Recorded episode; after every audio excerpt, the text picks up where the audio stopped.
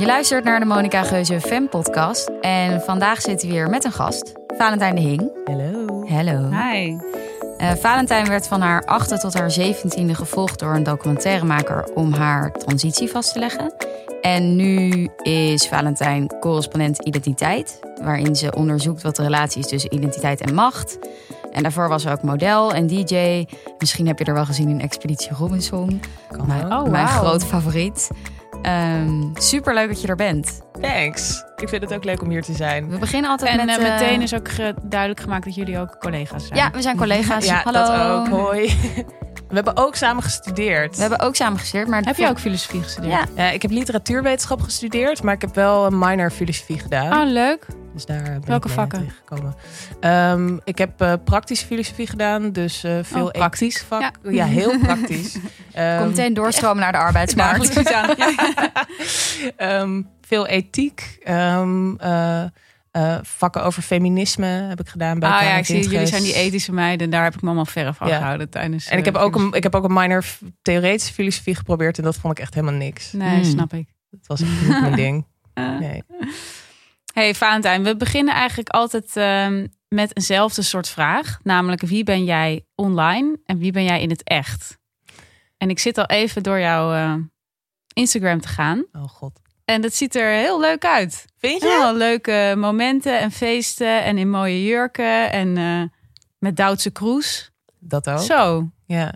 En in het echt ook de hele tijd in mooie jurken en met Duitse kroes? Nee, dat valt echt heel erg mee. Nou ja, zeker nu natuurlijk in de, tijdens de Ja. corona-lockdown. Ik ben ook niet veel met Duitse kroes nou. Nee, Nee. nee, nee. Nee, helaas. Was het maar, Ja. was het maar zo'n feest. Nee, ehm, nee het, het- ik, ik heb mijn Instagram altijd heel erg moeten gebruiken voor mijn werk. Met name als model. Ehm, je hoort tegenwoordig wel zo'n grap van wie is je, wie is je modellenbureau Instagram. Mm. Maar inmiddels is dat voor gewone modellen met een echt modellenbureau ook gewoon een beetje hun tweede modellenbureau geworden. Want Instagram is binnen de modewereld nu super belangrijk. Mm. Ehm, waar niet, ook eigenlijk. Ja. Ehm, dus ja, weet je wel, Instagram, je wordt als je model bent door je agent ook heel erg aangespoord om, om Instagram veel te gebruiken. Ehm, want het is gewoon een, een belangrijke reclamezuil voor jezelf. Ja. Het is een soort aanvulling op je portfolio. En ook, weet je hoe meer volgers je hebt, hoe interessanter dat ook voor, voor modeklanten is. Vind je dat vervelend? Ik vond het vreselijk om te doen. Ja? En dat is ook de reden waarom, als je ook even kijkt naar mijn feed, dan zie je dat ik ook gewoon de laatste maanden eigenlijk Ja. bijna niks gepost heb. Omdat ik gewoon eigenlijk niet heel erg van de Instagram ben. Ik vind het heel leuk om, om ehm, het te consumeren. Dus om te kijken naar andere mensen en naar hun foto's en naar hun levens. Ehm, Ja, ja, een maar om daar voor- zelf wat van te ja, maar om daar dus zelf wat, wat van te laten zien, vind ik altijd super ingewikkeld. Ik heb gewoon, ik, ik schaam me altijd als ik selfies of foto's moet maken van mezelf. Of mensen foto's van mij aan het maken zijn in het openbaar. Ehm, en weet je, zeker als DJ of als, als model kwam ik ook best wel veel op van die events waar dan influencers zijn en die dan heel veel foto's van de hele tijd alleen maar met een camera of een foto of een ehm, eh, telefoon in hun hand staan en dan foto's van elkaar en van zichzelf aan het maken zijn. En dan denk ik, niemand kijkt hier echt om zich heen. Mm. En weet je wel, geniet van wat er hier gebeurt. Vaak, weet je wel, vaak zijn het ook een beetje saaie events. Mm. Ehm, en daar, ja, weet je wel, daar, daar, ja, dat ziet er dan online heel leuk uit. Maar dat komt dus vooral omdat iedereen de hele tijd met Mooie die camera maakt. bezig Ja. is. Ehm, En gebruik je je Instagram ook als journalist nu? Nou ja, ik post wel nu, eh, als ik iets geschreven heb, post ik dat wel op, op Instagram. Het is ook handig, omdat ik heb wel meer dan 10.000 volgers, dus dan heb je die swipe-up functie. Ehm, dus ik vind het ook wel leuk dat ik mensen ook echt daadwerkelijk iets kan laten lezen wat ik heb geschreven. Ehm, maar ik, ja, nee, het, is ook schrijven is natuurlijk niet zo fotografisch interessant of zo, weet je wel? Zo jezelf achter je laptop. Ja, het kan wel, denk ja, ik. ik vind het ook altijd lastig hoor. Hoe je je eigen. Ik wil dan bijvoorbeeld wel mijn column delen of zo. Maar ik kom gewoon. Het enige wat ik kan bedenken is gewoon foto's van die column. Ja, En dat vind ik zo armoedig. ja zo'n zo'n screenshot. Ja, op ja. Ja, vind ik ook. Ik vind het heel lastig. En ik ben sowieso, ik ben visueel ook gewoon totaal. Ik ben helemaal niet visueel ingesteld. Ik, ik, ik snap gewoon niet wat een goede foto is eigenlijk. Hmm. En dat, en dat vind ik dus ook moeilijk om goede foto's van mezelf te maken of van de dingen die ik aan het doen Hm. ben. Hey, en ik weet toevallig dat je wel veel YouTube-video's kijkt. Klopt. Ja. ja wat wat voor YouTube-video's kijk je? Oh jongens, echt van alles. Oh, vertel. Ik wil heel graag ik, ik, duik soms echt dagenlang in, in, in bepaalde fenomenen op YouTube die echt nergens. Ik kijk nu bijvoorbeeld heel veel schaakvideo's van Ah. mensen die, die eh, schaakstreamer zijn op, op, op Twitch. Heb je Queen's eh, Gambit gekeken op Netflix? Ja, ja, en dat heeft dat een beetje geïnspireerd. Dat dacht ik Ehm, wel. want Maar ik je hebt dus Twitch-video's voor schaak. ja, ja, je- Maar live schaak of online schaak. Nee, online. Online. En die, die worden er toernooien georganiseerd. En dan, dan ehm, eh, spelen ze tegen elkaar online op Twitch. En dan ondertussen streamen ze dus. En die opnames van die streams of die toernooien... die zetten ze dan op YouTube. En daar kijk ik het dan. Maar er, ja, er zijn dan echt mensen die dus heel goed kunnen schaken... of heel goed kunnen snel schaken. Dat vind ik ook heel knap. Dat mensen dus vijf minuten of, of zelfs drie minuten hebben... om een partij te spelen Ja. tegen elkaar. Wow. En dan gewoon dus heel snel beslissingen moeten nemen. Ja, vind ik weergaloos interessant. En kijk je ook veel, veel YouTube-video's van de LHBTI-community? Ja, ook wel veel. Nou ja, je hebt natuurlijk, je hebt nu een soort van eh eh linksig hoekje van YouTube dat eh LeftTube of BreadTube wordt genoemd. Oké, interesting. Ehm, Wat is Brad? BreadTube? Ja, dat komt van dat boek van Kropotkin. Ehm, hoe heet het ook alweer? De, de- iets met brood. He, Oh, het is gewoon Brad. bread, ja, BreadTube. Oké. Ja, Broodtube. ja, broodtube. Maar dat komt dan dus van een boek van Kropotkin waar de brood in de titel zit. En ik kom nu even niet op die titel. Ehm, maar het idee is dan dus van dit is, dit is eigenlijk zeg maar een soort borderline communistisch Oké. eh, een stukje van Safe space. Ja. Ja, de safe space voor de, voor de, voor de Twitter tankies. Ehm, maar ja, daar, daar zijn gewoon heel veel hele vette makers die, die echt hele goede video's maken. Die niet alleen eh, theoretisch gewoon heel goed in elkaar zitten en, en eh, heel goed commentaar leveren op de problemen van onze tijd. En dan met name als het gaat over social justice of.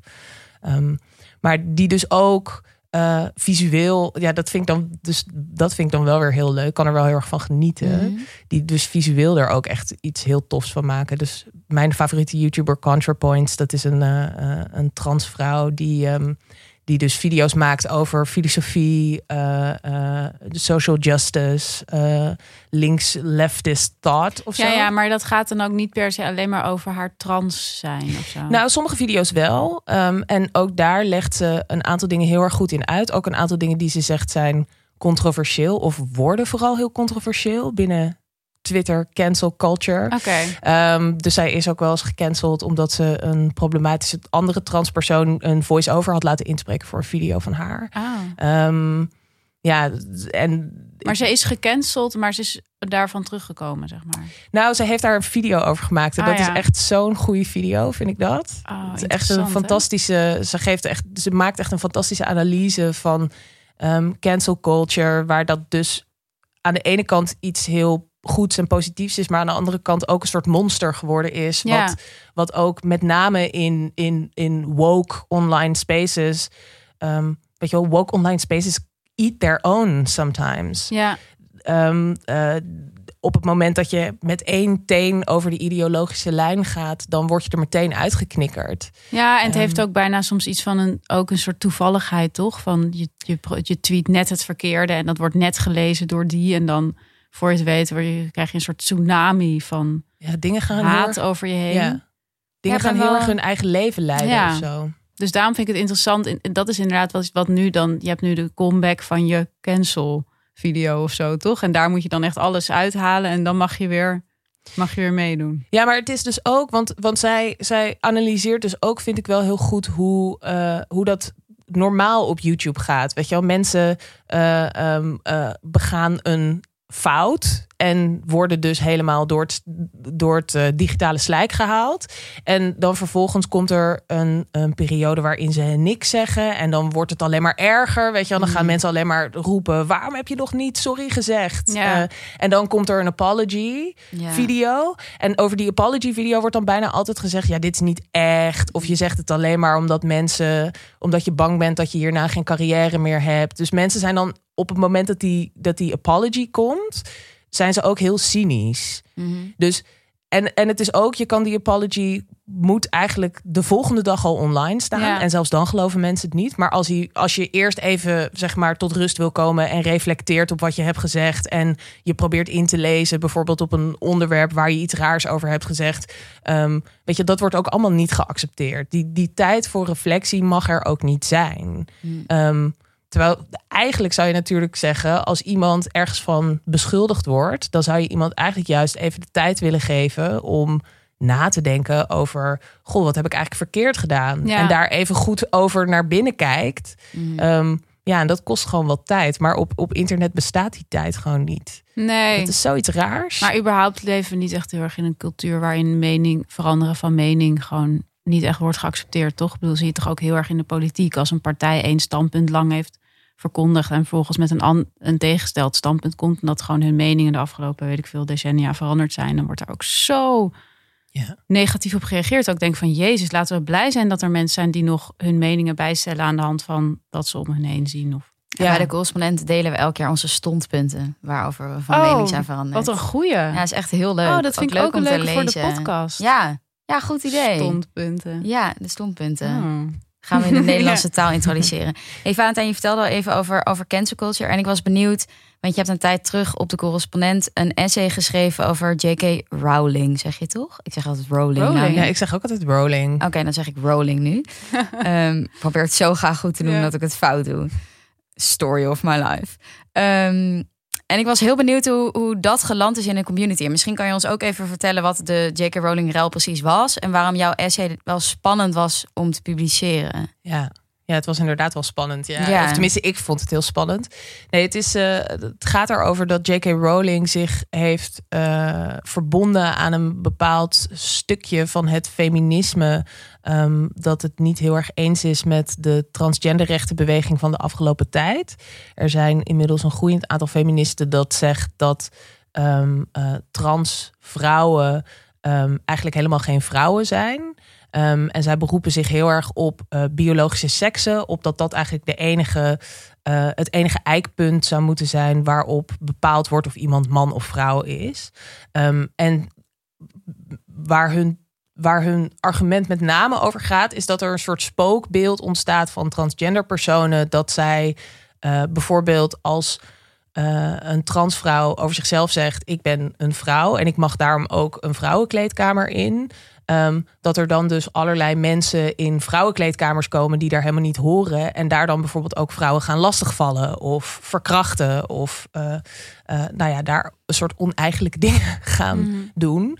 Ehm, dus voor genderkritische feministen, want zo noemen zij zichzelf, is eh, de veiligheid van vrouwen in het geding door ehm, de aanwezigheid van transgender personen in bepaalde ruimtes. Bovendien, en dat, dat is dus een beetje, daar, daar verschillen sommige genderkritische feministen nogal van Ja. mening over. Ehm, wordt er ook getwijfeld aan het bestaan van transgender identiteiten. Ja. Dus er wordt, er wordt Mm. gewoon gezegd, mensen die transgender zijn, zijn eigenlijk niet lekker in hun hoofd of eh, eh, gestoord of eh, Mhm. seksuele sexual predators, weet je wel, die, die, die een leugen vertellen om dus Ja. toegang te krijgen tot die ruimtes of, of met vrouwen in aanraking te kunnen Ja, komen oh, om, om ze allerlei Maar- dingen aan te doen. Ja, en voor, ik vond het wel mooi, want het was voor jou best wel heftig om dit te lezen, want je bent heel lang fan. Eh, Ja. Je bent natuurlijk wel zoals heel veel mensen, maar heel erg Harry Potter fan geweest. Ik vond dat je dat ook heel mooi beschreef in je stuk. En ik vond ook heel mooi dat je de vergelijking maakte met die trap naar de kleedkamer van eh Gryffindor. Dat je dan als je als jongen de meisjes eh, slaapkamer in wilde, dan veranderde de trap in een glijbaan en werd je eraf ge... Ja. kukel je eraf. En dan zeg jij eigenlijk van ja, als ik dus in de wereld van J.K. Rowling die trap op zou gaan, zou ik er ook Ja. afglijden. Nou ja, maakte hoorde- dat voor jou het een, een, een, een moeilijke discussie of moeilijk om over te schrijven? Nou, het grappige, nog één ding over die trap. Mhm. Want het grappige daarover is dat iemand van de, van de eh, boekenredactie van de correspondent, die vertelde dus dat, ehm, ehm, dat er ook heel veel fanfiction is. Waarbij die trap dus juist heel erg een soort affirming experience is. Waarbij dus mensen in transitie gaan op Zwijnstein en dan dus die trap Oh, op ja. mogen.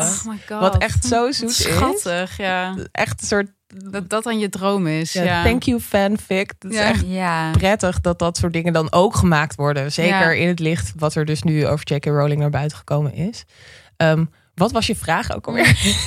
Nou, was, het, was dat voor jou moeilijk om, om dat stuk te schrijven? Want je bent, je bent kritisch op J.K. Rowling, maar je bent ook kritisch op de hele ehm, nou ja, online Ja. community, zeg maar. Was dat voor jou moeilijk? Voelde dat als iets hards om te schrijven of pijnlijk? Ja, ik vond het. eh, ik, ik heb ook heel lang erover gedaan. Mhm. Ehm, ik vond het. eh, ik vond het een heel. Het was best wel een zwaar Want wat stuk. is jouw punt uiteindelijk? Kan je dat samen? Ja, nou, mijn punt is dus dat ik eigenlijk begrijp waar J.K. Rowling's angsten vandaan komen. Want als je erover nadenkt, de positie van vrouwen is gewoon niet heel denderend Ja. als het gaat over seksueel geweld. Weet je wel, volgens mij hier in Nederland eh 34% van alle vrouwen heeft wel een ervaring met seksueel geweld of zoiets.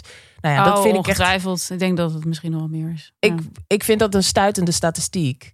Ehm, dus ik, ik begrijp wel waar zij het over heeft. Het punt is alleen dat transpersonen niet de oorzaak daarvan zijn. En ook dus, weet je wel, het, het, ehm, het aanvallen van de transgendergemeenschap gaat niks oplossen.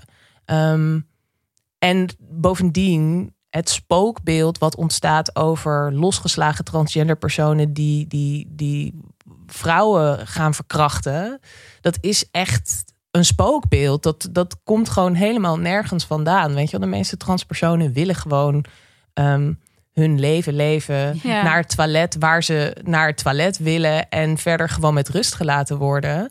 En Gewoon eh, zoals iedereen eigenlijk. ja. Ja, precies. Weet je wel, dus, dus Waarom waar zou je ook zo'n hessel doormaken om verkrachter te kunnen zijn? In een fucking vrouwenkleedkamer. Ja. Dat is toch echt, Ja. Nou ja, echt alsof een hele rare redenering. ja. alsof verkrachters nu niet een vrouwentoilet binnenlopen om daar dingen te doen Ja, die ze die ik ze denk niet inderdaad ook niet echt dat een, iemand die wil verkrachten zich laat tegenhouden door een pictogrammetje op een pictogram met een vrouw. Ja. Nee, tuurlijk niet. Nee, maar het, het, het gaat dus gewoon heel erg over ehm, hoe kijk je naar gender en, en, en ehm, eh, nou ja, weet je wel, een soort van waar, waar denk je dat de eh, veiligheid of de bescherming van vrouwen op gebaseerd is? Ehm, en ik ben het gewoon niet eens met het idee dat als eh, iedereen die geboren is met een piemel niet meer in een vrouwenkleedkamer komt, dat dan het probleem Hmm. van seksueel geweld tegen vrouwen opgelost is. Het is gewoon onzin. Die seksensegregatie in die ruimtes ja, gaat, zet nul zoden aan de dijk. Hmm. Dus, maar ik, ik denk dus wel, want wat ik, wat, ik, wat ik ook heel pijnlijk vind, is om te zien hoe boos mensen hierover zijn.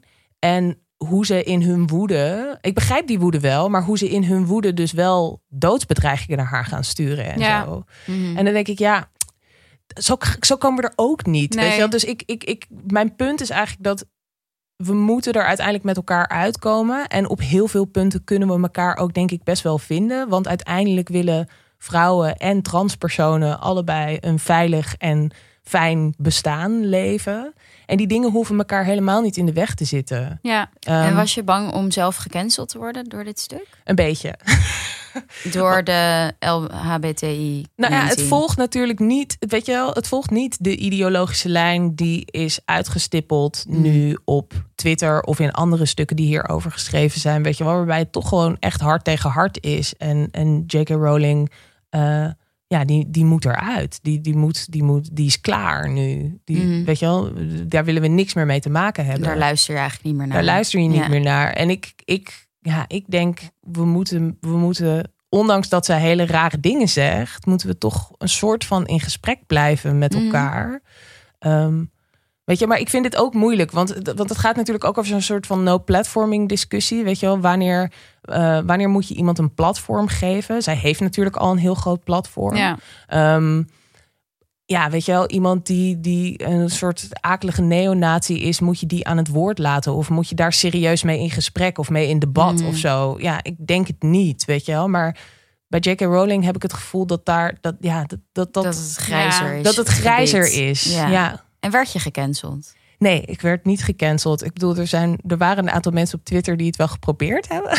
Oké. ik zit zelf niet op Twitter. Oh, dat scheelt. Dat scheelt heel erg. Ehm, Zo, dat scheelt enorm. Ik was laatst per ongeluk even op Twitter gegaan. om- en toen zag ik echt, wow, wat mensen allemaal over mij zeggen. Ik Ja? Vond dat- ja, ik vond dat ineens dat Wat zeiden de Wat mensen door? nou, mensen vinden mij heel verwend. Oh, maar ja, tuurlijk. dat ben ik ook. Dus ja, dus dat, dat, dat vond ik in die zin, dacht ik, nou, is ook niet echt verrassend.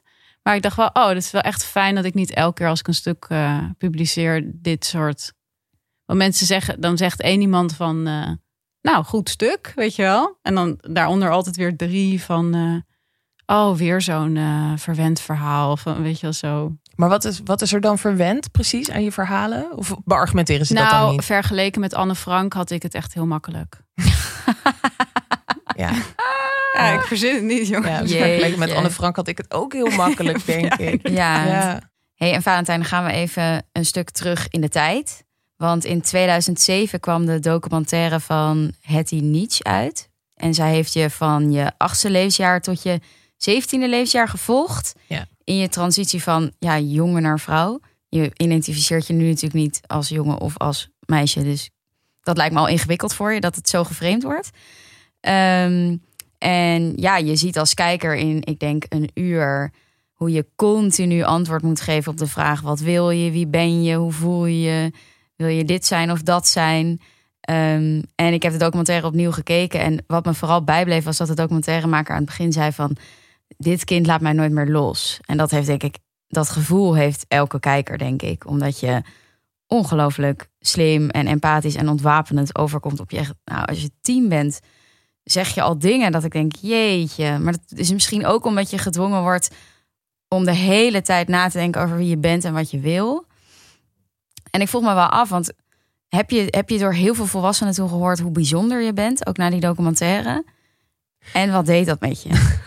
Nee, dat valt best. Of nou ja, ik bedoel, het rare is dat, dat ik de impact ervan altijd onderschat. Hmm. Ik heb nog steeds dat mensen naar me toe komen en zeggen dat ze de film gezien hebben.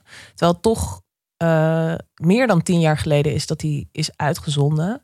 Ehm, en mensen zeggen dan inderdaad dat, dat het ze ontroerd heeft. Of dat ze, het, eh, eh, dat ze er heel veel aan hebben gehad. Of dat het heel veel wat voor hun onduidelijk was uitlegde. Ehm, dus op, op zo'n manier ehm, eh, heeft de documentaire heel veel mensen geraakt, denk Mhm. ik. Ehm, maar ik, ik voel mezelf niet heel erg verbonden met wie ik in die documentaire ben. Of tenminste, Hmm. weet je wel, dat is natuurlijk wel, wel, wel wie ik was op dat Hmm. moment. Maar het is ook iemands blik. Weet je, nogmaals, Hetty, die Hmm. heeft de documentaire gemaakt. Die heeft, die, die heeft mij vanaf mijn zevende tot mijn zeventiende gevolgd. Hoe Eh. ging dat eigenlijk? Want zij had dan waarschijnlijk het idee van ik wil een film maken over zo'n transitie. Ja, En toen kwam ze via de arts bij jou uit. Of? Ja, zij werkte eerst bij Nova, volgens mij. Mhm. En voor Nova werd er toen eh, gevraagd eh, of ze een keer een dag met een transgender kind op pad konden en daar ook dus daar een soort item over konden maken. Ehm, en via de toenmalige ehm eh, lotgenotenorganisatie waar, eh, waar mijn ouders ook bij zaten. Er was gewoon een soort organisatie waarbij allerlei transgender kinderen af en toe een dag bij elkaar waren en leuke activiteiten deden of zo. En de ouders konden dan ook ervaringen met elkaar uitwisselen. Eh supergoed initiatief. Heel goed. Maar daar kwam dus die vraag binnen. En, en toen, toen eh, ehm, hebben, heb ik het er met mijn ouders over gehad. En toen hebben we dus meegedaan aan dat item. En zo hebben we Hetty ontmoet. En naar aanleiding daarvan zei ze... we zouden eigenlijk eh, het leuk vinden om Valentijn wat langer te volgen. Ehm, en daar heb ik toen ook weer met mijn ouders over gehad. En ehm, toen hebben we besloten om dat dus wel te doen. Omdat ik eigenlijk al heel vroeg het gevoel had... dat ehm, er iets mis was met was met de representatie van transgender personen. Echt Kan- waar, op je Ja. zevende. Ik kan me nog heel goed herinneren dat ik, eh, dat ik ergens rond die tijd, toen dit dus een beetje ging spelen, dat ik een, eh, een aflevering van Jerry Springer zag. Want dat werd toen nog in de middag eh, in Nederland op televisie uitgezonden. Ehm, en Dat is dat programma dat mensen allemaal met stoelen gaan gooien en zo, toch? Ja. precies, ja. Ja, eh, in Amerika, Ja. een soort, weet je wel, En mensen. dan heeft iemand, zeg maar, niet alleen met de beste vriendin een affaire, maar ook met de zus en de moeder. Ja. En nee, echt ook nog met de oma. En dan Zo dat, ja. Onder de eindstreep altijd knokken. Ja. Gewoon, dat, is, dat, is, dat is het. Het is een heel co- confrontational kutprogramma eigenlijk. Mhm. Maar transgender personen zijn heel lang vaste prik geweest bij Jerry Springer. En dan met name dus transpersonen die aan hun geliefde gaan onthullen dat ze transgender zijn, omdat ze dat voor ze hebben verzwegen. Ehm, en ik kan me dus nog herinneren dat ik, dat ik dus zo'n aflevering zag eh, van een transpersoon, van een transvrouw, eh, die aan haar verloofde ging vertellen dat ze transgender was. En die man begon haar dus keihard in elkaar te meppen. En het publiek my stond op de stoelen te joelen. Ehm, eh, omdat ze allemaal met die man eens waren. En dat heeft heel erg indruk op mij gemaakt als kind. Ehm, omdat ik aan de ene kant. Ik, ik voelde me gewoon. Ik voelde me niet per se heel erg verwant met die vrouw. Maar ik had wel echt heel erg het gevoel van. Ik schaamde me heel erg. En dan vooral voor dat publiek. Omdat het publiek het gewoon zo niet leek te begrijpen. Ehm, en toen kwam dus deze aanvraag, of deze, deze vraag van Hetty Nietzsche van... Goh, kunnen we een documentaire over Valentijn maken? En ehm, naast, wat- weet je, je bent ook zeven, dus je vindt het ook allemaal loei interessant, weet je, met zo'n camera op pad. Maar er zat ook echt een stukje dat ik dacht, ik moet mensen laten zien hoe het is om mijn leven te leven als, als transgender kind, transgender jongere, want mensen snappen het niet. Mm. Ehm, en dat had ik natuurlijk ook in mijn omgeving. Weet je wel, op, op de basisschool waren er ook wel vervelende mensen die Ja. vervelende, weet je, ik werd wel gepest ook. En dat was echt wel akelig. Maar, maar juist die, dat joelende publiek, Mm. dat heeft echt wel iets betekend voor mij. Eh, Hey, en je zegt dat je je niet per se herkent in de documentaire. ja, Waar zit dat dan in? Nou, het, het, het is nogmaals, het is dus heel erg een blik van Hetty op mijn leven en op mijn transitie. En ehm, wat ik voor heel, wat voor heel veel mensen die de documentaire gezien hebben en die ook naar me toe komen en om er oh, iets over te zeggen of daarover te praten. ehm, voor mensen is dat een soort van mijn transitie. Mhm. Weet je wel, dat Daarna uur wat je ziet. Daarna was het Ja, klaar. Daarna ja. geen ontwikkelingen meer. Ehm, dus in die documentaire ben ik bijvoorbeeld ook nog steeds heel erg bezig om een vrouw te worden. Want dat was ook een beetje het, het denkkader wat ik op dat moment had. Eh, en je moet je ook voorstellen dat die documentaire gemaakt is in een tijd waarin er nog geen internet was. Of internet Ja. net pas, eh, eh, weet je wel, stond echt nog heel erg in de kinderschoenen. Natuurlijk toen ik op de middelbare school zat, was er inmiddels wel internet. Maar dat was ook allemaal, het was niet wat het nu is, weet je wel. Er was hives, maar geen, weet je wel, internationale social media... waar je, waar je een soort van andere transpersonen Mhm. kon Ja. zien. Denk je dat het makkelijker is op een bepaalde manier? Het is natuurlijk nooit echt makkelijk, maar om nu trans te zijn. Ik denk dat het heel erg zijn voordelen en zijn nadelen heeft. Hmm. Ik, ik denk dat het echt aan het internet te danken is dat als ik nu tegen iemand zeg transgender, dan heeft bijna iedereen daar wel een beeld bij. Ja. Ehm, en dat zal per persoon verschillen wat dat beeld dan is. Maar in, toen ik opgroeide, was dat echt niet zo. Dan, dan keken mensen ja, een beetje glazig aan en dan zeiden ze: hè? Wat, wat is dat? Dus ik moest dat ook de hele tijd uitleggen. En dat zit ook, weet je, in die documentaire is dus ook heel erg bedoeld als een soort van uitleg. Maar ik ben eigenlijk niet de enige die aan het woord is. Dat is Mhm. het eigenlijk. En dat kan natuurlijk bij een, bij een, bij een, bij een documentaire is dat nooit zo. Weet je, er zit altijd een, een maker tussen, Mm. een, Ja, een tuurlijk. camera tussen, een Ja. gaze tussen. En ik vind dat Hetty dat heel goed gedaan heeft. Maar mijn leven ging na de film natuurlijk wel gewoon door. En ik kwam erachter dat vrouw voor mij uiteindelijk helemaal niet het eindstation was, bijvoorbeeld. Maar mensen die dan nu naar me toe komen en die alleen die film gezien hebben, die zeggen dan tegen me: Oh, wat ben je een mooie vrouw geworden. Weet je wel? Ja, dat, ja, ja. Ik vind dat het in de film zit, dat je het niet zeker weet. ja, Je zegt ook, ik ben bang dat ik spijt krijg. Dat ik dan uiteindelijk helemaal niet alleen vrouw wil zijn. Nou, zo, ja, zo zie je dus dat, dat, dat zat er dus wel Ja, in, die ja. twijfel. Ehm, maar ik had gewoon totaal geen beeld van hoe ik daar een leefbaar leven mee zou kunnen vormgeven. Nee, maar dat is natuurlijk het ding. En dat, dat fascineert mij er ook wel aan. Dat je al zo jong eh, zoiets voelt, weet je wel. Je hebt natuurlijk überhaupt geen idee wat je wil zijn of wie je bent als Nee. je 12, 14 weet ik veel, 28 bent. En dat is natuurlijk ook het, wat ik zelf lastig aan vind als je nu zegt van, ehm, eh, als mensen naar je toe komen en zeggen van, nou, je bent zo'n mooie vrouw geworden.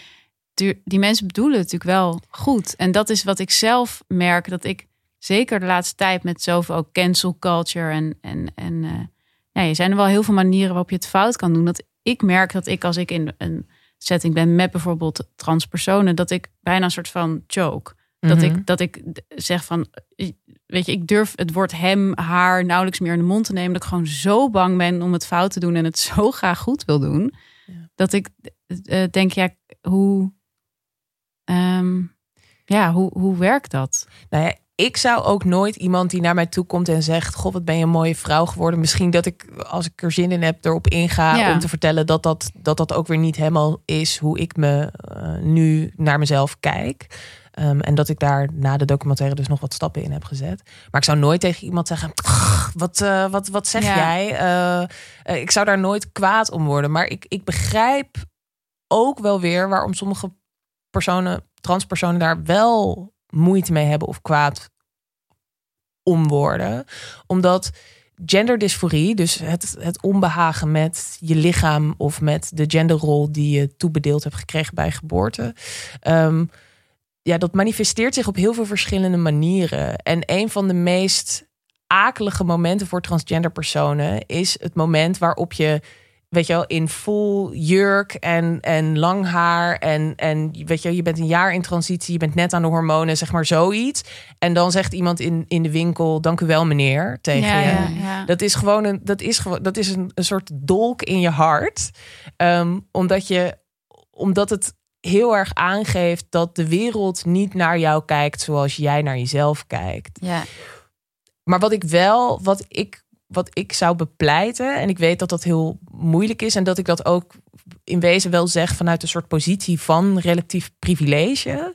Ehm, want het is makkelijker op het moment dat mensen niet per direct aan je kunnen zien of je transgender bent of niet. Ja. Ehm, weet je wel, een, een heel groot gedeelte van de transfobie gaat ook gewoon aan mij voorbij, omdat mensen op straat het niet. Weet je, ik draag mijn transgender verleden ehm, niet zichtbaar met me mee. Ja. Ehm, op andere manieren natuurlijk wel. Maar ehm, ja, het is dus, het, het, het, het is gewoon, eh, ik zou willen zeggen dat zo'n pijnlijk moment, ehm, weet je wel, heb wel ook compassie voor degene die, die het probeert goed te doen. Nou ja, Of- wat ik erover dacht was dat ik eigenlijk zo graag zou willen dat iemand gewoon me uitlegt van wat, wat, wil, wat, wat wil je? En Ja. dan, dan, doe ik, dan doe ik dat. kan Maar je anderzijds, vragen. ja, kan je natuurlijk vragen. Maar anderzijds zullen mensen toch ook helemaal gek ervan worden dat ze bij elke Mm. binnenkomst moeten gaan uitleggen. Nou, ik wil graag zo benaderd worden en zo genoemd worden. Ik bedoel, je wilt toch vooral gewoon normaal bejegend worden. Of eh, ja, dat, het, dat, het niet, dat je niet een soort wandelend, eh, wandelende gebruiksaanwijzing bent. wandelende praatpaal. Ja, ook Ja. dat. Nou ja, eh, bijvoorbeeld ContraPoint heeft, heeft heel veel. Is, is, zij is meerdere keren gecanceld, overigens. Ehm, en één keer is zij gecanceld vanwege een tweet waarin ze iets zegt over. Ehm, dat ze het heel vervelend vindt dat als ze in een ruimte is met alleen maar vrouwen, met name dus progressive spaces met vrouwen, ehm, dat er dan een rondje gemaakt moet worden om pronouns te announcen. Alleen maar omdat zij er is en zij transgender is. Haar pronouns zijn she, her. Zij, zij voelt zich ook gewoon vrouw. Ehm, dus weet je wel, zij, zij dat, die, die vraag van wat zijn jouw pronouns is voor haar ook weer een ervaring van genderdysforie. Maar heel veel non-binaire mensen op Twitter, nogmaals, weet je wel, dingen worden natuurlijk ook totaal uit zijn verband getrokken, dachten dat ze zei: we moeten dat niet meer doen. We moeten niet meer zo'n rondje maken waarin mensen hun pronouns gevraagd worden. Dat het voor mensen, met name als je pronouns niet hij of zij zijn. eh, is dat juist heel belangrijk. Dus non-binaire mensen werden helemaal gek. En die gingen dus tegen haar zeggen... Je, weet je wel, um, you're invalidating our experience... en dat soort akelige dingen. Terwijl wat zij eigenlijk zei was... ik voel me daar gewoon dysfoor over. Ik Ja. voel me daar vervelend bij. Ehm, omdat, omdat ik er ben, moeten we het ineens over pronouns gaan hebben. En dat wijst mij heel erg op mijn trans zijn. Ja, Dus, dat, dus dat zijn wel ook, weet je wel, een soort van. Maar ze zei, ze zei later ook: ik, vind, ik ben niet tegen dat we zo'n rondje maken. Ik vind het hartstikke goed dat we dat doen. Maar voor mij heeft het wel een bepaald, roept het wel een bepaald gevoel op. Hmm. Ehm, maar nogmaals, wat, ik, wat jij zegt vind ik wel heel interessant. Omdat ehm, het op de een of andere manier dus toch lastig is om nader tot elkaar te komen. Ja. Ehm, eh, en ondanks de, de, de hoeveelheid kennis die er inmiddels beschikbaar is, weet je wel, nogmaals, iedereen weet inmiddels wel ongeveer wat, wat transgender zijn inhoudt. En los van of je het er dan, weet je wel, er positief of negatief tegenover staat, ehm, eh, heeft iedereen daar wel een idee bij. Ehm, maar dat maakt dus heel veel dingen ook een stukje moeilijker of ongemakkelijker. Ja, gewoon wat ik zeg, dat je bang bent om het verkeerd te doen. Heb jij dat niet, Leen? Ja, dat heb ik ook wel. Ja. Ja, maar ja, ja, bijvoorbeeld in mijn werk als eh, bij de correspondent ben ik me heel bewust van hoe Valentijn aangesproken moet worden. Dus dan, Nee, maar ik bedoel het ook niet echt op een werkzetting, maar meer op een feestje of zo. Weet je wel, dan heb ik het vaak dat ik denk eh, dat ik heel bang ben dat ik per, on- per ongeluk zeg: Oh, weet je wel, geef je jas maar aan haar. En dan, oh, kut, hem, kut, ik weet het niet. Ja, nou ja, weet je, ik, ik probeer mezelf ook altijd. eh, eh, En dan ik geef ik uiteindelijk maar niet de jas. Snap je? Omdat ik denk, ja, mm, ik leg hem maar neer.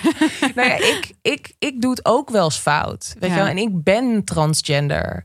Ehm, en dat zijn, dat zijn ook voor mij soms ongemakkelijke momenten. Weet je, ik heb ook soms moeite met hen, hun. eh, weet je wel, de non-binaire pronouns die, die, die nu veel gebruikt worden.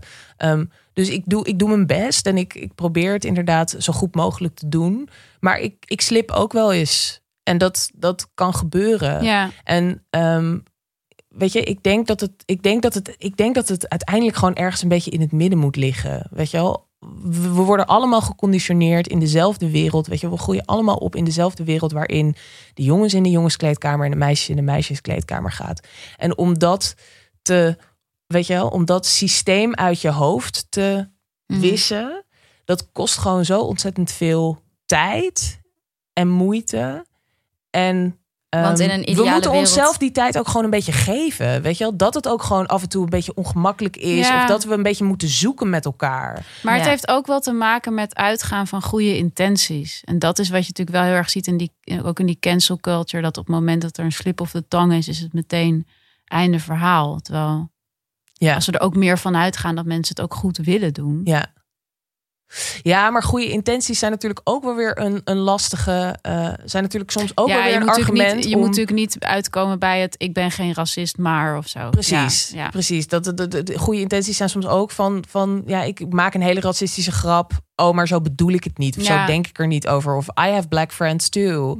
Ehm, dus dat zijn, dat, dat, het, is, het is gewoon, maar ik denk dat we dat met heel veel van dit soort gesprekken of discussies ehm, er goed aan zouden doen om ons, ons dat zelf wat meer te realiseren. Dat er gewoon, dat het gewoon complex is. Ja. En dat we er niet één antwoord op, op, op dit soort vragen hebben. Van Mm. hoe moet je dit nou aanpakken of zo. Weet je, dat hangt natuurlijk totaal af van de situatie, van de persoon die je voor je hebt, van wie jij zelf bent. Ehm, en we moeten gewoon een beetje lief voor elkaar zijn en elkaar de ruimte geven om een beetje te kunnen zoeken, denk ik. Mm. Maar nogmaals, ik zeg dit ook dus vanuit een positie waarin ik vrij weinig last heb van mijn trans zijn. Ja, je hebt niet dagelijks te maken met geweld. En, Nee. Ja, Mijn gevaar. buren proberen me niet weg te pesten. Terwijl Ja. dat is bij heel veel transpersonen ook wel het geval. Ja. Dat Mm. soort verhalen. Weet Ja, dus wel? voor, voor de personen die dagelijks gevaar lopen, is het niet alleen een belediging of niet een erkenning van iemands identiteit als hij aangesproken wordt als haar of hem, terwijl hij dat zo niet voelt, maar een daadwerkelijke dreiging. En daar zit natuurlijk ook een heel groot gedeelte van de pijn. Dus daarom, daarom kan ik bijvoorbeeld de mensen die akelige dingen naar J.K. Rowling sturen op Twitter, kan ik ergens ook wel begrijpen. Omdat, weet je wel, misschien zijn dat mensen die hun ouders niet meer zien. Omdat hun ouders het er niet mee eens zijn dat ze transgender zijn. Mm. Weet je wel, er zit, Ja. er zit natuurlijk wel een soort pijn die ook on- online niet zichtbaar is. ja. Maar, het, maar, maar de, het, het lastige is dat, dat wat we nodig hebben is, die, is kwetsbaarheid of zo. Dat we dat kunnen zien van elkaar. Maar Dat die pijn zorgt ervoor dat er alleen maar ge- hogere muren Ja, opgetrokken worden. Ja. En daar komen we uiteindelijk nergens mee, denk ik. Hey, en ik wil nog heel even terug naar, ehm, naar, naar het feit dat je zo jong bent gefilmd. Ja. Ehm, merkte je daar effect van? Was, Hoe reageerde je bijvoorbeeld als de camera weer kwam? Ja, ik vond dat, eh, ik vond dat een van de moeilijkste dingen, denk ik. En dat is ook een van de redenen waarom ik uiteindelijk ook gezegd heb. eh, want het idee was eigenlijk dat we, dat we tot mijn achttiende door Hmm. zouden filmen. Eh, het liefst ook tot mijn operatie. Hmm. Ehm, en ik had eigenlijk op een gegeven moment echt zoiets van: ik, ik, ik wil dat niet. Ik wil niet wakker worden in een ziekenhuisbed Met een camera op je op mijn snuit. Ja. Daar heb ik echt geen zin in. Ehm, en het werd ook gewoon, weet je wel, een soort van: het nieuwe is er natuurlijk snel af. Mhm. Als, je, als je zeven bent, vind je het allemaal machtig interessant. eh, dat je naar school gaat en dat er dan een cameraploeg voor je is. Zoiets. Ehm, maar op een gegeven moment ga je gewoon puberen. En dan Ja. wil je eigenlijk gewoon al twintig keer door de grond zakken zonder een camera erop. En dan ehm, staat er nu ineens iemand in de hoek je te filmen. Mhm. En wat ik ook heel irritant vind, dat vind ik echt nog steeds. Want ik heb daarna ook nog wel, wel, wel film of, of weet je wel, tv-interviewtjes of dat soort dingen gedaan. Ehm, het in scène zetten van dingen. Dus Ja, ja.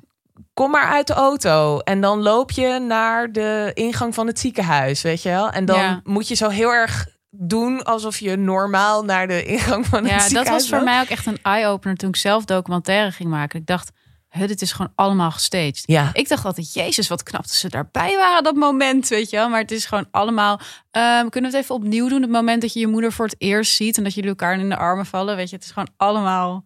maar dat vind ik dus, dat vind ik dus verschrikkelijk aan televisie maken. Of daar, dat vind ik heel naar. En dat vond ik toen ook al. Maar wel fascinerend, want in het begin van het gesprek zeg je al dat je een ingewikkelde relatie hebt met Instagram en dat je niet per se leuk vindt om jezelf te filmen.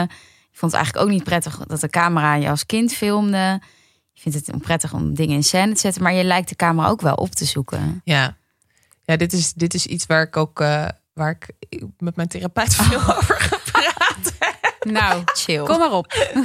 Ja, nee, het, het, ik, ik denk dat het heel erg een beweging is van een soort van ehm, onzichtbaar willen zijn, Mhm. maar eigenlijk altijd heel erg zichtbaar moeten zijn. Dus op mijn middelbare school. Waarom wist- moet jij zichtbaar zijn? Op mijn middelbare school, nou ja, het was gewoon zo. Ja, Op ja. mijn middelbare school wist iedereen wie ik was. Ja. Ja, en ja. niet omdat ik populair of leuk of fantastisch was, maar omdat ik transgender was en heel veel mensen dat raar vonden. Mhm. Um, en daar achter mijn rug om over praten. En naar me toe kwamen met super impertinente, rare vragen. En Ja. nare dingen naar me riepen. eh, als Heeft ik het ook te maken met eh, controle? Als je jezelf op een bepaalde manier naar buiten brengt via een camera, dan heb je natuurlijk veel meer controle dan als iemand gewoon op je afstapt en zegt: eh, Nou ja, hey, het heeft er dus heel erg mee te maken. Ik zeg maar bijvoorbeeld op school, ik kleedde me altijd vrij extravagant. Raar misschien soms. Je hield van mode. I've- ja, Ja. maar it's been a journey, zeg maar. Oh, nu Het bes- baal ik dat we geen visueel medium zijn. Ik Oh. zou nu heel graag zo'n slideshowtje even van, willen. van, van al mijn, eh, van al mijn trespasses Oh. from, my, from my youth. Ja, I've sinned. Ehm, nee, maar eh, ehm, ik kleedde me dus vrij opzichtig. Maar ik denk dat dat dus een soort van beschermingsmechanisme Mhm. was. Van, oké, je wil naar me kijken. Dan geef ik je iets om te zien, weet je wel. Eh, kom maar op met je blik. Ehm, en ik denk dat dat eigenlijk altijd wel er, erin heeft gezeten dat ik dat dat ehm, ik eigenlijk altijd een blik verwacht en daarom, ehm, maar die blik, Je anticipeert eigenlijk. ik anticipeer heel erg op die, op die blik, maar ik vind die zichtbaarheid ook heel moeilijk. Dus Mhm. ik, ik, ik doe bepaalde dingen om het te wapenen tegen, tegen, tegen, die, tegen die blik. En wat het ook is, is dat op een gegeven moment ben ik het ook gewoon gaan zien als, ehm, als een soort van ehm, bijvoorbeeld modellenwerk. Ehm, mensen boekten me dan voor een shoot en, en, en wilden daarbij dan ook graag vertellen dat ik transgender was en mijn verhaal ook gebruiken als een soort van verhaal voor aan, weet je wel, koppelen aan hun brand. Ja. En ik begon dat gewoon heel pragmatisch te gebruiken. Dat ik dacht, oké, weet je wel, jullie willen mij boeken en me betalen eh, om een verhaal te vertellen. Prima, want ik heb dan gewoon weer een platform om Ja, ja. het te hebben over de dingen die belangrijk zijn voor de transgender gemeenschap, Ja. weet je wel? Of voor eh, de problemen waar we nog steeds eh, iets aan zouden moeten doen. Maar ik kan me voorstellen dat dat ook irritant is. Dat je denkt, ja, ik ben toch ook gewoon model. Ik bedoel, je bent ook gewoon, je ziet eruit als een model als alle andere modellen eigenlijk. Ja. Waarom moet dan altijd weer dat verhaal erbij? Ja, ja, ik heb dat. Ik, ik, ik, soms was dat ook wel irritant. Ik heb Mm. bijvoorbeeld wel eens, ik heb wel eens gehoord dat, dat eh, ehm, iemand mij een cover hier in Nederland niet wilde geven, omdat ze het gevoel hadden dat als ze mij op de cover zetten, dat ze dan ook meteen mijn verhaal zouden moeten vertellen. Ja, ja. Ehm, in plaats van zoals dat bij heel veel andere modellen gewoon gaat, je boekt iemand gewoon voor een covershoot en die staat dan gewoon op de cover van je blad. Ehm, maar bij mij hadden ze dan zoiets van dan moeten we dan moeten we meteen ook een interview doen of zo. En dat ja, dat hoefde voor mij helemaal niet. Kom maar op met ja, je best cover, op weet de je. cover wel. willen staan. Ik wil best wel op de cover zonder, zonder verhaal erbij. Maar aan de andere kant heeft het me ook wel heel veel gebracht of zo, weet je. wel. Het heeft me gewoon op veel plekken gebracht waar ik toch gewoon dingen heb kunnen vertellen en eh, eh, ehm, ja, mooie projecten eh, kunnen doen die ehm, ergens ook wel iets hebben bijgedragen, weet je. En ik denk ook ehm, die transgenderrechtenbeweging kwam ook een beetje op gang toen de modewereld zich ermee ging Mhm. of zich ertoe ging verhouden. En eh, er een aantal van die trans modellen kwamen. En, en, en toen kwamen er ook weer wat meer transpersonen op televisie. En, en, Mhm. en eh Caitlyn Jenner kwam uit de kast. Weet je wel, dus, dus ook in een wereld die drijft op, op, op commerciële media en social media en dat soort dingen. ehm, is dat ook een beetje de arena waar dit uitgevochten moet Mm. worden? En dat voelde dan ook, het klinkt ook alsof het voor jou als een plicht voelt om daar. Nou, het is niet echt een plicht, maar of nou ja, ik, ik, ehm, ja, een plicht vind ik zo lastig. Ja, dat klinkt alsof je een missionaris bent. Want het is, want het is wel, ja, ja, het is, als ik heel eerlijk ben, is het wel, voelt het wel een beetje zo. Mhm. Het voelt soms niet helemaal als een keuze die ik, die ik vanuit een soort volledig autonome positie genomen heb. Ehm, maar aan de andere kant voelt het ook niet, ehm, weet je, als een soort zware plicht of zo.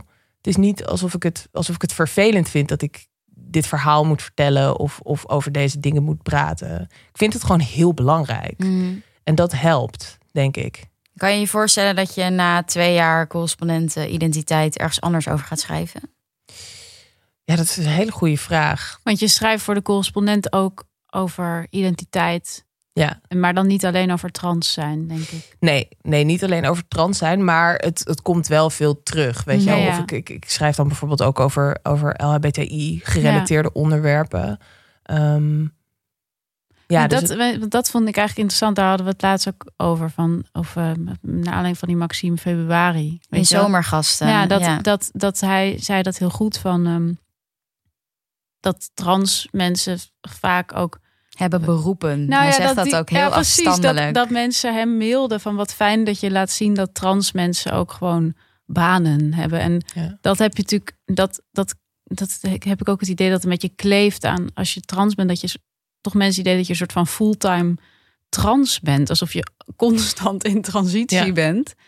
Ehm, en, dat, en dat merken dus ook bijvoorbeeld dan bij, bij, bij jou of bij anderen. Weet je, dat ook journalisten die bijvoorbeeld trans zijn, dat die vaak ook heel vaak schrijven over eh, ja, trans zijn zelf of anderen of identiteit of eh, alles wat daarin nog te winnen is. Waarvan ik enerzijds denk, nou supergoed. Maar anderzijds ook denk, ja, wil je niet gewoon over eh, landbouwtechniek schrijven of zo? Weet je, gewoon anything. Oké, misschien niet Wij landbouwtechniek. maken ook eh, verhalen en, en podcasts over dingen die wij interessant Ah, vinden. Ja, ik maak alleen maar dingen over, dingen over dingen waar ik helemaal niks van weet. Zeg maar, Ja. weet je wel? Dat, Ja, ik denk, het, het, is, het is grappig dat je dit zegt, want het, want het, het voelt, dat zou voor mij als heel drassig terrein voelen of zo. Daar zou ik me dus, daar zou, ik- daar zou ik echt het gevoel hebben dat de vaste grond een beetje onder me weggeslagen is. oh, Mhm. Maar dat zet me dus nu zelf heel erg aan het denken dat ik denk, oh ja, weet je wel, die, die verwevenheid van trans zijn in mijn identiteit en in mijn leven en in mijn werk. Ja, heb ik nog wel tijd voor iets anders. Nou, je hebt nog een heel lang leven voor je. Ja, waar je dus- ook iets anders kan doen. Maar dat, ik vind dat wel een goed. ik vind maar heb je niet de behoefte gewoon? ook. Om, om iets te maken wat niet altijd raakt aan je persoonlijke. Nou, misschien wel, maar ik zou het dan heel ingewikkeld vinden om na te denken over wat dat dan zou moeten zijn. Hmm.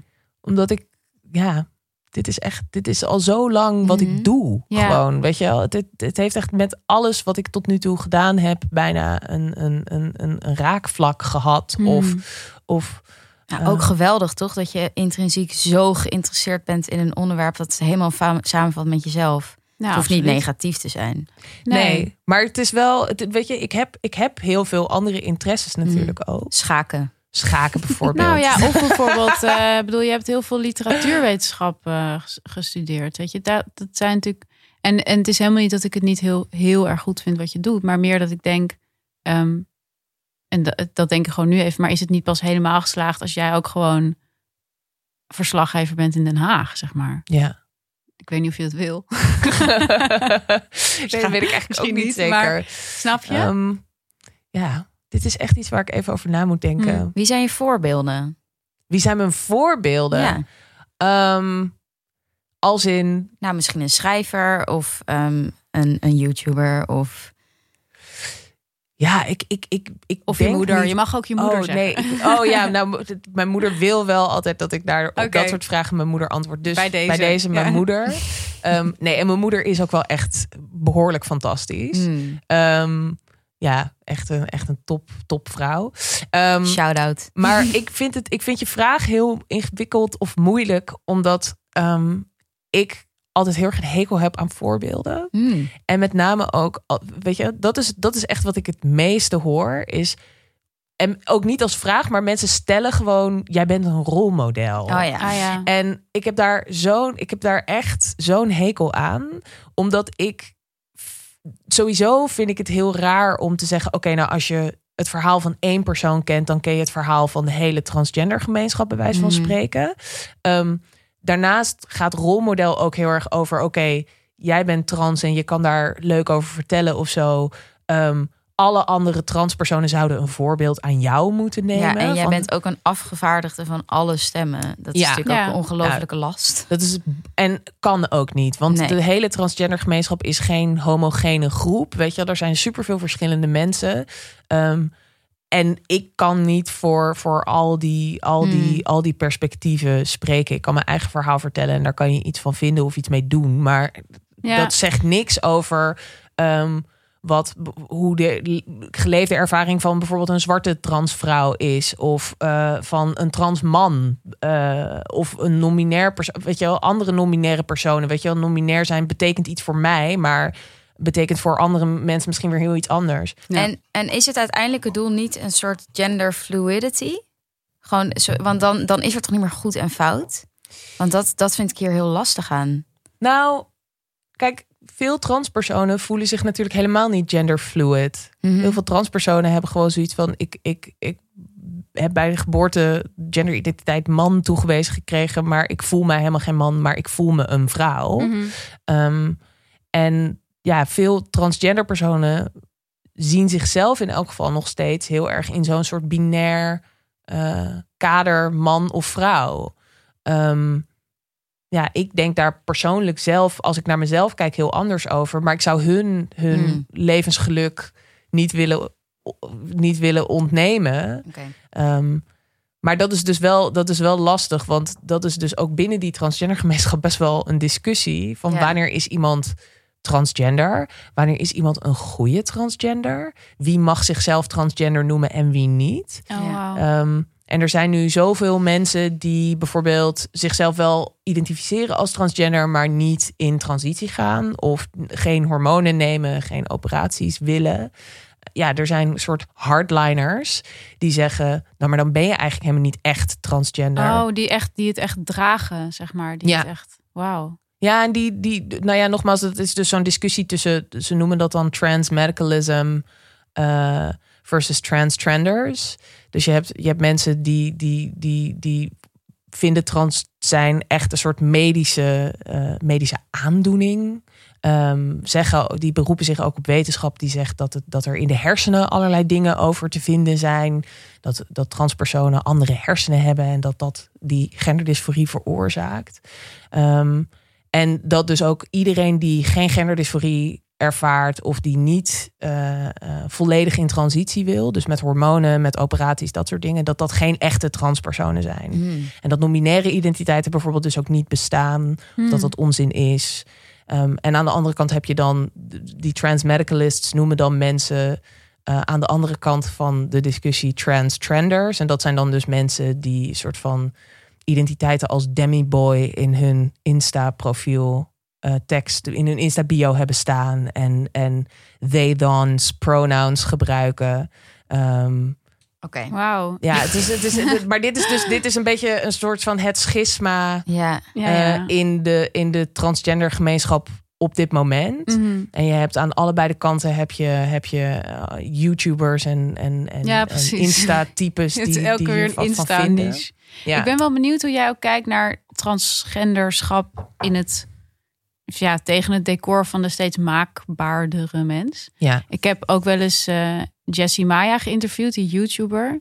En zij is transvrouw. En, maar bij haar viel het mij heel erg op hoe oneindig haar transitie eigenlijk is. Dus niet zozeer in, uh, ik bedoel, ze is inmiddels gewoon uh, geopereerd en alles. Maar ze is ook constant bezig met een soort zelfverbetering om steeds, ja, wat zij dan vrouwelijk uh, noemt te worden. Dus steeds meer botox en jukbeenderen meer en de grotere borsten. En ze vertelde daar zelf, vond ik ook grappig over, dat ze zei van ja, jij vindt dat misschien een beetje too much.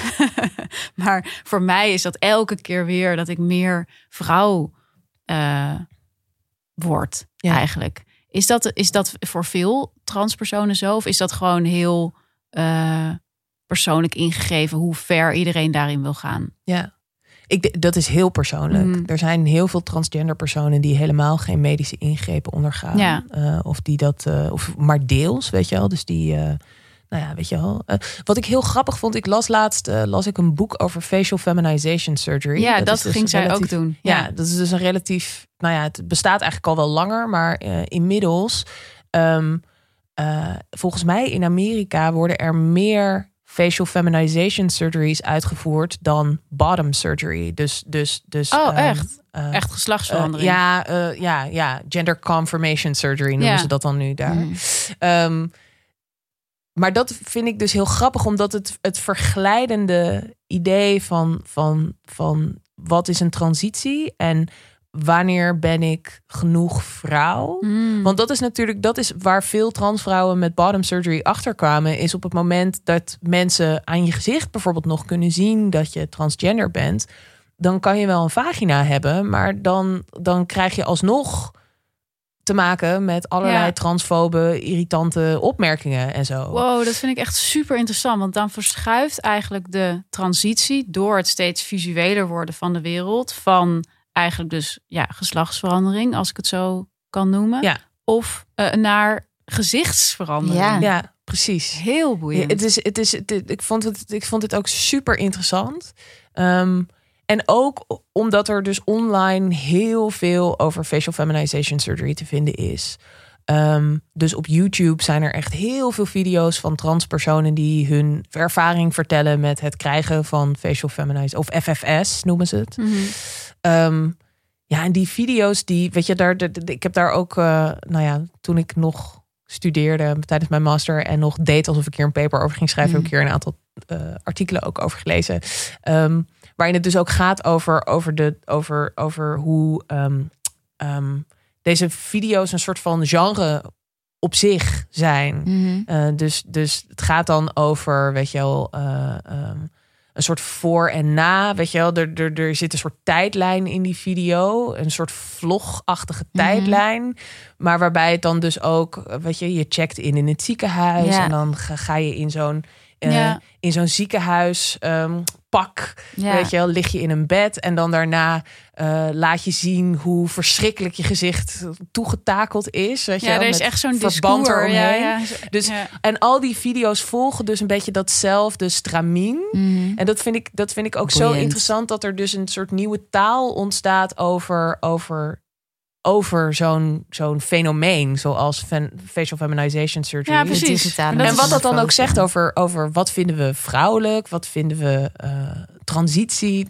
Ja, Ja, precies. Maar het is, het is gewoon weer een goed voorbeeld van expeditie Robinsonisering. Mijn zelfbedachte woord om uit te leggen dat als Vind ik ook een vaak, heel leuk woord. vaak op tv vaak zichtbaar wordt gemaakt, gaan mensen zich ernaar gedragen inderdaad. En dan gaan ze ook zo'n foto van zijn helemaal gebutst gezicht eh, delen. Posten, Ja, is Het is natuurlijk ook ultieme social content, omdat je zo ergens naartoe leeft met een publiek. Een beetje hetzelfde als een zwangerschap. Een reveal zit er Ja, ook in. Ja. ja. Het is een soort unboxer, maar dan van jezelf. Ja, een digitale metamorfose. Ja, we houden Ja. van metamorfose. Ja, Ja, maar het is en, en het heeft ook, weet je, het is ook, het is ook, eh, het is ook veel zichtbaarder hoe dat dan gaat, weet je wel? Want ehm, eh, als je bijvoorbeeld bottom surgery hebt gehad, kan je niet zomaar Nee. op YouTube dat even laten zien. ja dat vindt YouTube zo. niet goed. Nee, Nee. precies.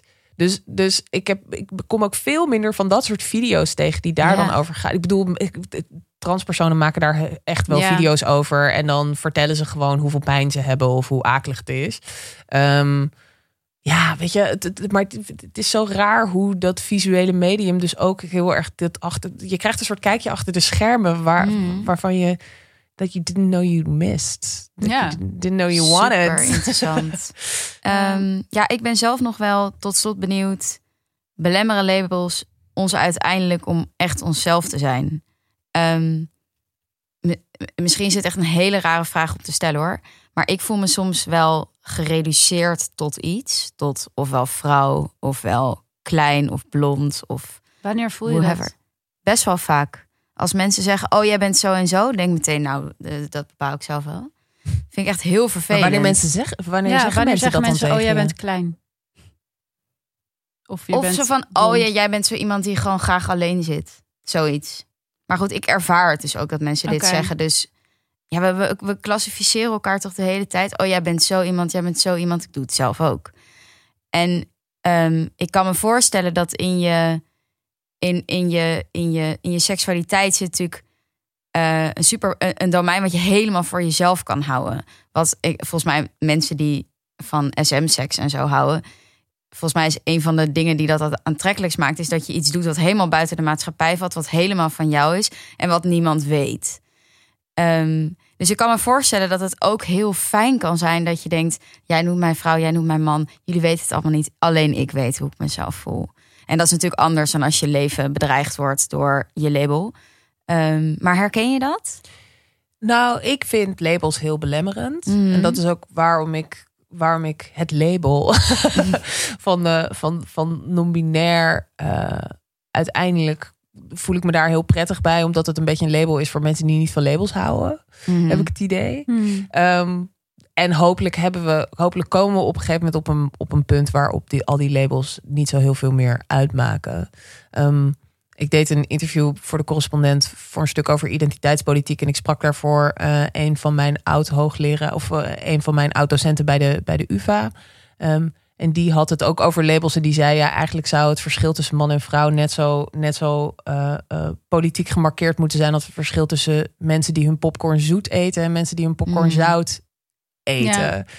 Ehm, en op dat moment heb je dan eigenlijk ook niks meer aan die labels. Want ja, wat, wat boeit het Who cares? eigenlijk? Ja. Who cares? Maar het is lastig toch? Want, want ehm, ja, we hebben het wel eens vaker over labels gehad, volgens mij ook in deze podcast. En ik heb ook meteen, zeg maar, eh, mijn natuurlijke reactie is ook zo van labels. Bah, weet je wel, daar hou ik niet van.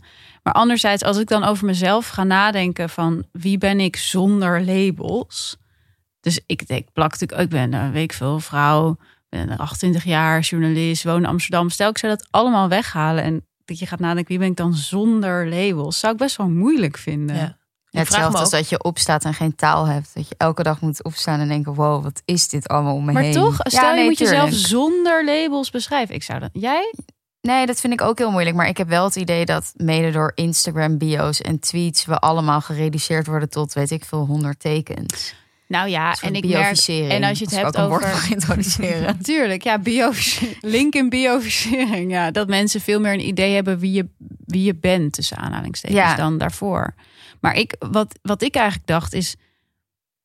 Misschien moeten we gewoon af van het idee dat labels voor altijd zijn of zo. Of dat je Ja. gewoon elke dag weer een nieuw label kan kiezen. Ja, En, en, en ook altijd van label kan veranderen. En als het label van hoe jij je voelt nog niet bestaat, dat je het dan gewoon zelf verzint en dat dat ook oké is. Ja.